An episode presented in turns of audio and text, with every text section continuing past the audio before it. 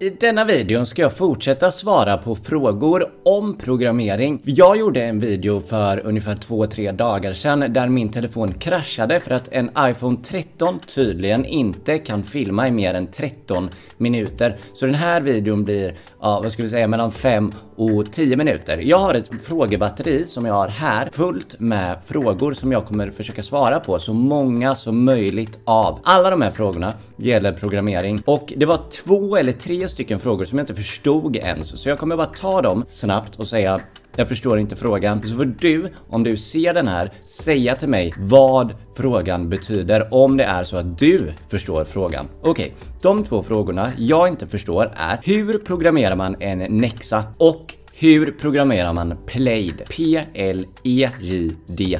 Jag har ingen aning ens vad frågorna betyder. Så vi går vidare. Nästa fråga är hur programmerar man en robotgräsklippare? Och där kan jag faktiskt svara ungefär. Grejen är, jag har aldrig programmerat en robotgräsklippare, men jag har tillräckligt med kunskap för att kunna lära dig vad du behöver veta för att kunna lära dig att programmera en robotgräsklippare. Är du med? Vad jag menar är alltså att jag kan inte de språken tillräckligt bra för att programmera en robotgräsklippare. Men jag vet vilka språk du ska använda och vilka verktyg du ska använda för att lära dig de språken så att du kan programmera en robotgräsklippare. Det du behöver göra för att lära dig att programmera en robotgräsklippare är just att lära dig programmera i C och C++.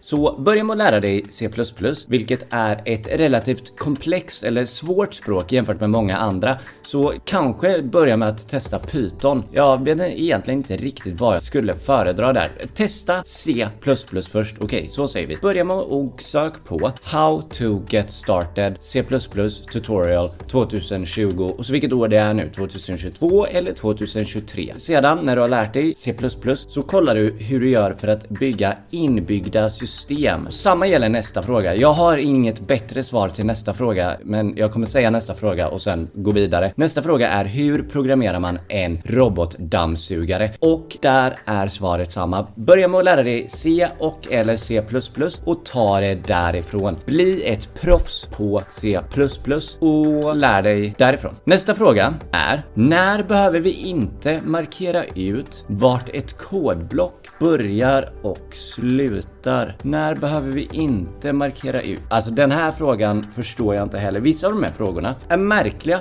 på så sätt att jag kan inte ens svara på dem. Jag kan inte ens förstå vad frågan försöker fråga. Nästa tar vi istället och den här är toppen. Varför programmering? För att det är kul, för att du kan tjäna pengar på det, du kan bygga typ vad som helst. Alla som är något kan programmering, nej kanske inte riktigt så, men om du vill lära dig någonting där du får använda kreativitet samtidigt som du tjänar pengar, du kan jobba i ett team eller eller själv för att bygga någonting, då ska du lära dig programmering. Så därför programmering. Så vi kör vidare. Varför programmering i skolan? För att programmering är en av Sveriges och världens största yrkesroller och just programmering kommer ingå i fler och fler yrkesroller som inte nödvändigtvis är utveckling.